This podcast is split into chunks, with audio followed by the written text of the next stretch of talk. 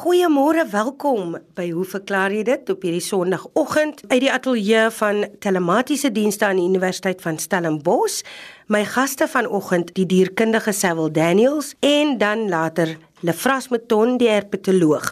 Ons skop af met 'n vraag wat Sewil gekry het van Johan de Wet van George. 'n Krab lyk vir my baie soos 'n kreef sonder 'n stert. 'n Kreef gebruik sy stert om te swem.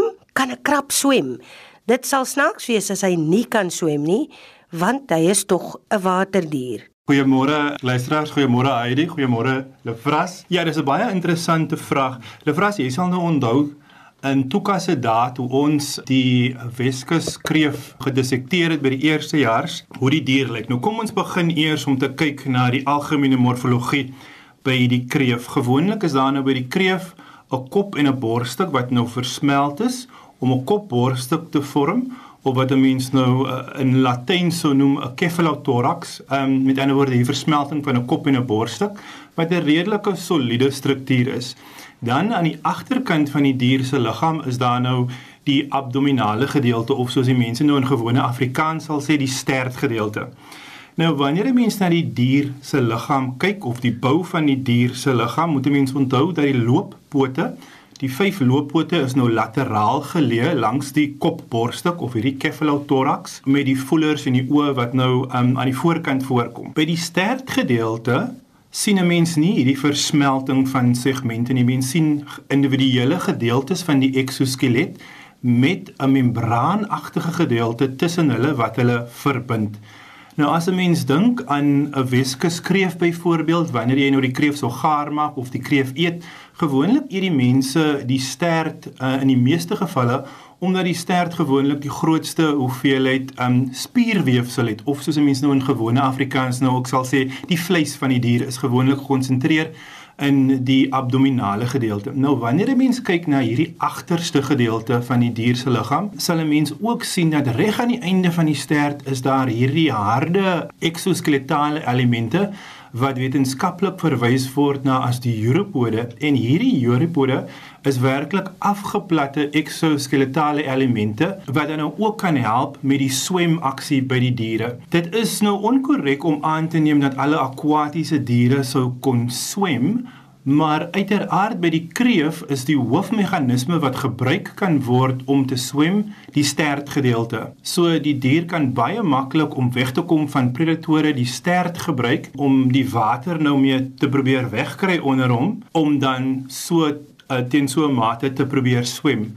Nou wanneer 'n mens kyk nou na die tweede gedeelte van die vraag, die aanpassing vir swem by krappe. 'n Mens moet nou onthou dat by krappe is daar nou as jy nou dorsaal na die dier se liggaam kyk, met ander woorde van bo af, is daar nou 'n carapax of die dop van die dier en die abdominale gedeelte is gewoonlik aan die onderkant omgevou. So die abdominale gedeelte by krappe is nie baie gespierd soos 'n mens by krewe sou sien byvoorbeeld nie. Daar is uiteraard een familie krappe, die Portunidae, die swemkrappe wat aangepas is om wel te swem, maar by hierdie diere sien 'n mens dat die vyfde looppoot afgeplat is en hierdie afplatting van die looppoot help dan die dier om te swem in die waterkolom wanneer hulle nou wel bedreig word.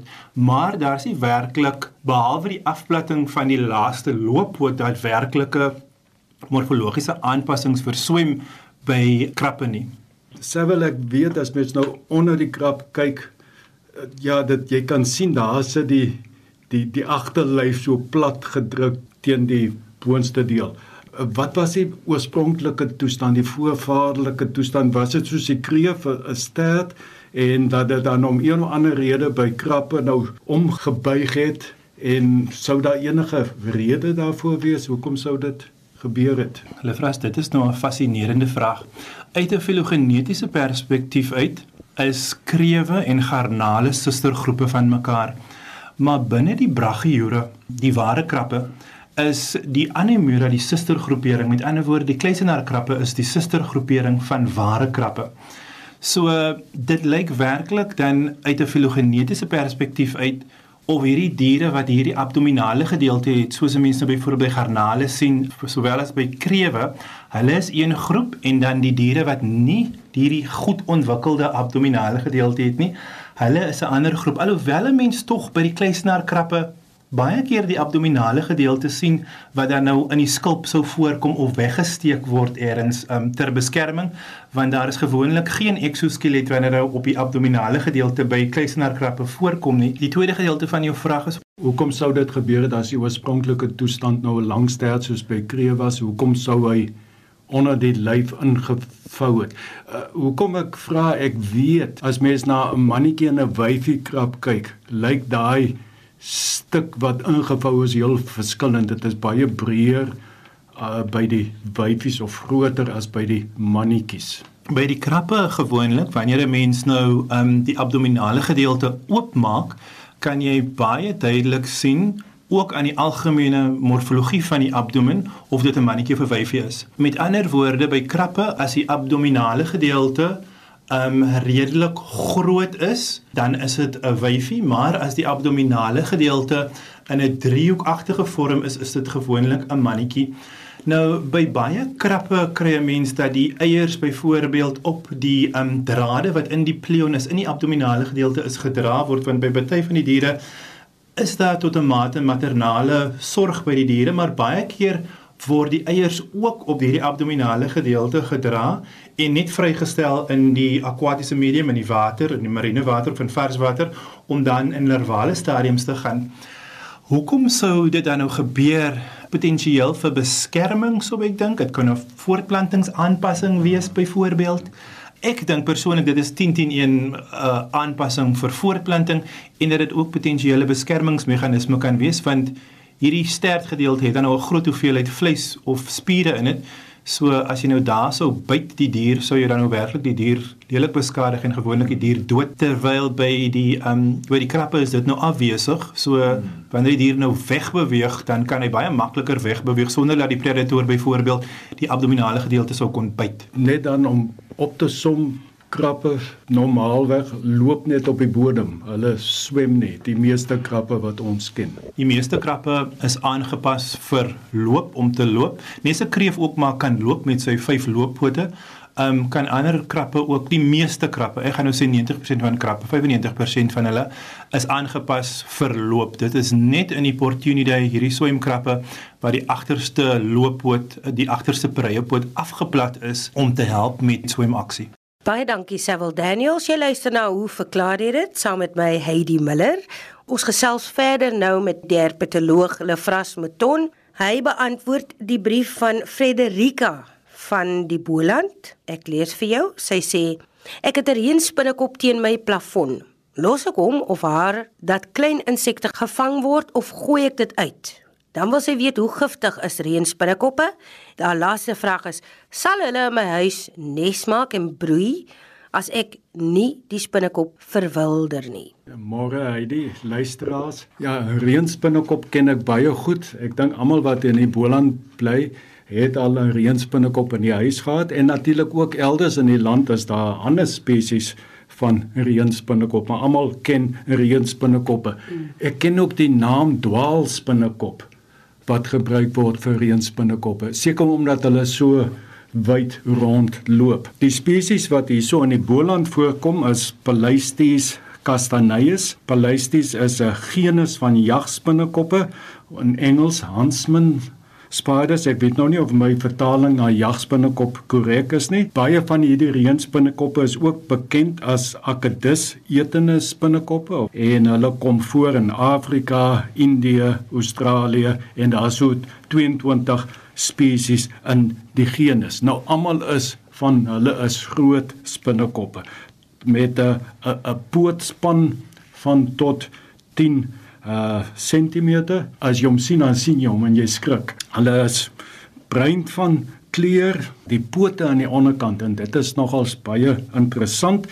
Het hierdie helder strepe oranje, wit, swart en natuurlik dit speel 'n rol as 'n uh, so reënspinnekop bedreig word, dan lig hy mos daai voorpote op en ek dink hierdie helder kleure is aan die een kant waarskuwingskleure en aan die ander kant af, afskrik middel. Nou ja, net sommer so interessantheidshalwe, ek het nou die ander dag op RSG gehoor uh van hierdie vasvraery oor wat is die grootste spinnekop Heteropoda maxima. Dit is die grootste spinnekop wat beenspan betref tot 30 cm en dit behoort tot dieselfde familie as as ons reën spinnekoppe. Hulle vra so 30 cm is ek reg so die lengte van 'n liniaal so lank. Ooh, dis skrikwekkend.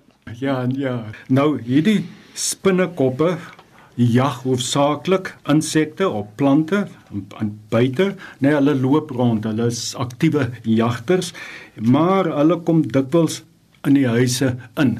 Nou sê hulle dit gebeur voor reën. Ek sal nie weet hoekom sal hulle nou voor reën in die huise inkom nie en dan ook in die warme somermaande. Baie plekke, nou nie in die Boland so seer nie, maar is daar geitjies wat ook jag en hierdie hierdie spinnekoppe hou van geitjies vang. Die vraag is as daar nou 'n reënspinnekop binne die huis is, moet mens hom los sal hy nou help om die die te hou of moet jy hom uitgooi? Nou hierdie is groot spinnekoppe. Ek kan nie my indink dat 'n muskiet, laat die spinnekop eers 'n muskiet kan vang nie en laat 'n muskiet nou enigsins kos is vir hom nie.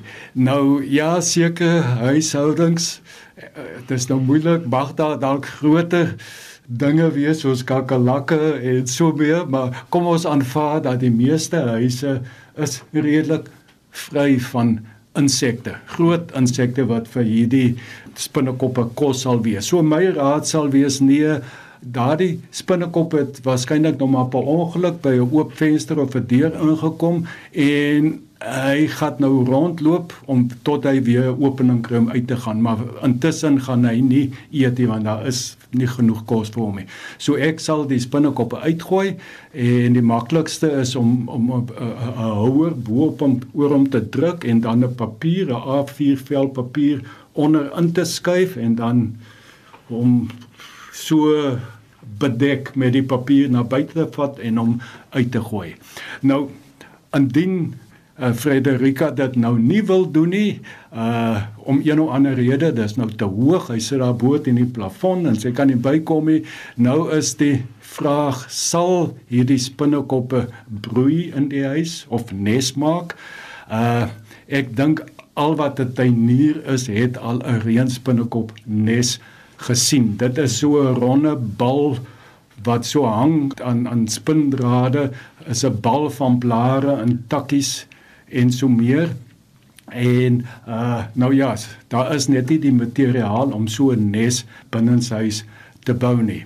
So ja, hulle gaan nie broei binne in die huis nie en dit is in elk geval gewoonlik die mannetjies wat in die in die huise inkom want die mannetjies loop baie meer rond seker maar op op soek na wyfies hier so laat November Desember dan sal hulle nou die wyfie hulle nog 'n paar hulle sal nes bou die, die wyfies sal eers die eiertjies lê en eintlik dan nou die nes om die eiers uh, bou en dan sal sy daar by die nes wag hou tot daar vir ten minste 3 weke tot die eiertjies uitbroei. Nou daardie wyfie is baie aggressief by die nes en dit is gewoonlik wanneer mense gebyt word. Ek onthou my broer het ook eendag sy kop so tussen die takke. Hy was te hoog in die takke seker toe hy het so 'n uh, spinne kom om gebyt en ek dink die meeste tuiniers wat gebyt word is deur wyfies wat nou hulle arm in 'n bos in het of wat ook al en dan is dit te naby aan die wyfie en dan uh val sy aan. Die vraag is is hierdie spinnekoppe giftig? As 'n reënspinnekop jou byt, dan gaan jy weet daarvan, dit is soos 'n bysteek, amper soos 'n driedubbele bysteek dat jy kry daardie brand ervaring en dat die die bytmerk sal sal opswel en dit sal so vir 3 dae gaan jy bietjie swelling hê en en dan gaan dit eenklaps verdwyn. So hier in 1959 het hulle eksperiment gedoen op marmotjies met reënspinnekoppe om nou daardie tyd was dit nou gewilde manier jy gebruik maar die arme diere om te kyk of slange of spinnekoppe en skorpioene giftig is. Nou hulle het nou die marmotjie op die neus laat byt deur 'n deur 'n reënspinnekop en binne 7 minute het die marmotjie gesterf toe het hulle nou besluit reënspinnekoppe is baie giftig. En dit is eers heelwat later wat hulle met verdere toetse uh, agtergekom het dat dat die marmotjie het waarskynlik net 'n hartstilstand gekry van skok en dat reënspinnekoppe is 'n bietjie giftig maar nie vreeslik. Dit in elk geval vir die mens hou dit geen gevare nie.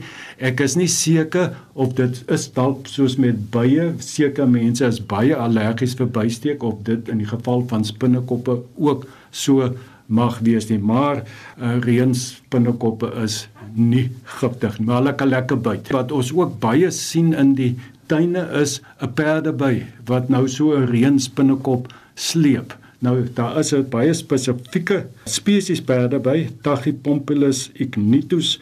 Hy gebruik spinnekoppe om sy eier op te lê. Hy hy hy, hy steek die spinnekop en hy dan raak die spinnekop verlam Uh die perde by sleep die spinnekop na sy nes toe, lê sy eiertjie op die spinnekop en maak dit toe seël die nes en dan wanneer die eier uitbroei, dan sal die larwe voet op die spinnekop. Onthou die spinnekop is nog 'n heeltyd lewendig, hy's net verlam.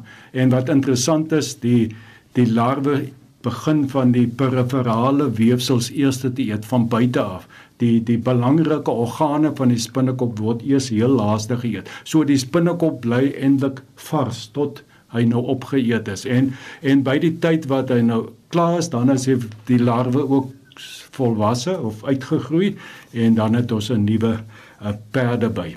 So ja, ek dink almal het een of ander vrees of die meeste mense vrees vir spinnekoppe, arachno fobie. Uh sommige mense glo dit is geneties so want dit sou evolusionêr 'n goeie ding wees as jy maar liewers bang is vir spinnekoppe. Mm. weet want daar is baie giftige spinnekoppe. Ek het weer 'n ander fobie, dit is Panthera fobia, dit is die vrees vir skomas. Uh op daai noot baie dankie Lefras. Hoop nie jy's in die moeilikheid vanaand by die huis nie. Savil, Jy het nog 'n vraag en dit kom van Henk van Tonner van Kimberley. Ek het nou die aand 'n haarskeerder spinnekop van nader by aanskou en opgemerk dat hy 5 paar pote het en nie 4 paar soos ander spinnekoppe nie. Wat sou die verklaring hiervoor wees? 'n Baie interessante vraag. Kom ons kyk gou na die groep waaraan hierdie diere behoort. 'n Mens moet nou onthou binne die arthropode, hierdie geleedpotige diere wat nou 'n eksoskelet aan die buitekant het, is daar twee divergerende groeperinge, die Chelicerata en die Mandibulata. Nou by die Chelicerata is daar vier looppote, daar's geen antenna teenwoordig nie en die diere het gewoonlik hierdie skeragtige strukture of chelicera in die orale gedeelte of in die mond wat dan nou gebruik kan word vir mastikasie of die kouproses. Terwyl by die Mandibulata is daar gewoonlik 3 of meer paar looppote Daar is gewoonlik een of twee paar antenne op die kop teenwoordig en daar is gewoonlik mandibles in die mondgedeelte by hierdie diere wat gebruik kan word vir die mastikasie of die kouproses. Nou, die spinnekoppe is uiteraard Chelicerata. En as mense op aan die Chelicerata praat, moet mense moet nou onthou dat daar 'n groot diversiteit van hierdie groepe is. Uh spinnekoppe soos Lefras nou net van gepraat het die Arachnida, die Scorpionida, die Pseudoscorpionida, die Opalidae, die Racinidae, die Solifugidae. Um waarvan hierdie spinnekoppe nou natuurlik die tradisionele sonspinnekoppe is. Nou ek dink wat in hierdie geval gebeur het is omdat die diere vier looppote het. Wat gewoonlik gebeur is as mense van die agterkant af sou tel, sal jy 4 tel, maar wanneer jy by die mondgedeelte kom, is daar 'n addisionele struktuur wat lyk soos 'n poot. Die looppote het gewoonlik sewe segmente, maar hierdie voorste struktuur wat soos 'n poot lyk, wat dan nou as die pedipalp bekend is, hy het net 5 segmente. Nou die algemene funksie van hierdie pedipalp, mense nou onthou, hy kom voor by die dier se liggaam voor, naby die kop, is baie soortgelyk as wat 'n mens by die antenna by insekte sou sien. Dit het hoofsaaklik 'n taktiele funksie, met ander woorde, dit word gebruik om te voel in die omgewing en dit het, het ook 'n olfaktoriese funksie, met ander woorde, dit word gebruik om te ruik wat is in die omgewing, is daar enige prooi items. 'n Mens moet nou ook onthou dat uit 'n evolusionêre perspektief uit by die heksopode of by die insekte is die algemene teorie dat 'n looppoot met tyd na die kop toe migreer het en daar gebly het en dit is wat 'n mens nou sien as die antenna wanneer jy nou byvoorbeeld na 'n muur sou kyk of na 'n kakkerlak waar die antenna natuurlik baie groter is. Um en die funksie daar is ook baie dieselfde. Dit is taktiel, dit word gebruik om te voel in die omgewing en ook om te ruik watter prooi items byvoorbeeld is daar wat in die omgewing voorkom of is daar enige maats wat in die omgewing voorkom. So ek dink die vyfde looppoot um wat die leser na verwys is werklik nie die piedipalp wat hy nou getel het as 'n looppoot, maar 'n mens moet onthou dat daar werklik by spinnekoppe net 4 pare looppote is. Met ander woorde net 8 en dat die voorste struktuur werklik 'n aanpassingsstruktuur is, 'n piedipalp wat baie soortgelyk is in funksie as wat 'n mens by insekte sou sien. Sevel eh, ja, haarskeerders het my nog altyd ook met vrees vervul. Die naam haarskeerder, nou moet jy my nou help is. Ek dink iewers in die verlede het ek gehoor dat hulle slapende mense kan gaan en hare afbyt om nes te bou. Het jy dit al gehoor? Ja, hulle vra sê ek het ook al die mite gehoor van die haarskeerders wat mense se se hare afsny, maar ek dink nie daar's werklike bewyse vir dit. Ek dink die mite voor die diere kom ook van die feit dat hulle mondgedeeltes van die grootste is wat in die diereryk is En ek dink dit is verantwoordelik vir die vrees wat mense gewoonlik vir hulle het. En hulle is ook nogal redelike groot diere wat redelik vinnig kan beweeg. Um 'n mens sien veral byvoorbeeld die name as jy van hulle kry op die pad. Um en as nou 'n bietjie van 'n skade weer, dan volg hulle, probeer hulle die skade weer volg om nou uit die son te kom. Want uiteraard kan hulle dan nou baie maklik uitdroog. So nee, ek dink dit is maar 'n mite. Ek het nog nie werklik gehoor dat die haarskeerders mense se hare skeer nie, maar ek dink dit is ongetwyfeld hierdie vergrote mondgedeeltes wat vrees plaas in mense wat lei tot hierdie mites. Jy sê 'n uh, vergrote mondgedeelte, want dit is die ander ding wat ek gehoor het, 'n relatief nou vir hulle grootte dat dat hierdie haaskeerders uh die sterkste kake het van alle diere met aan weet die krag wat hulle kan uh met hulle byt uitoefen. Jy is absoluut reg in vergelyking met hulle liggaamsgrootte, het hulle van die grootste, maar ook van die sterkste mondgedeeltes wat daar nou in die insek of in die in die arthropode wêreld gaan ek nou liewer sê bekend is. Hoe dit nou vergelyk met ander diere, dit weet ek nou nie, maar definitief binne die arthropode wat self klaar baie groot groep is. Sevel, dit is ook maar net in die Tankwa Karoo het ek mos nou baie ure rondgeloop en dan sien mense van hierdie haaskeerders in die dag rondhard op kleintjies en grootes, maar almal wat ek gesien het is vinnige goed. Hulle is aan die gang van die haaskeerder groep, is hulle almal sulke vinnige spesies. Die meeste wat ek ken is gewoonlik aktief gedurende die dag. Dit is ook seker tot 'n groot mate waarvan die sonspinnekop idee vandaan kom. Hulle is redelike vinnige diere. Ehm um, en tot 'n groot mate dink ek is hulle baie ook soos wat 'n mens by skoenlappers sien. Die diere sit gewoonlik eers 'n bietjie stil in die oggend, kry eers 'n bietjie van die son se energie en wanneer hulle warm genoeg is, dan kan hulle aktief wees. Op my beurt sê ek dankie aan Sewil Daniels en Lefras Meton vir vandag se episode van Hoe verklaar jy dit? Onthou jy kan vir ons skryf, dis Heidi by rsg.co.za of skryf vir ons by Hoe verklaar jy dit? Posbus 2551 Kaapstad 8000. Lekker dag verder. Ons gesels weer volgende Sondag.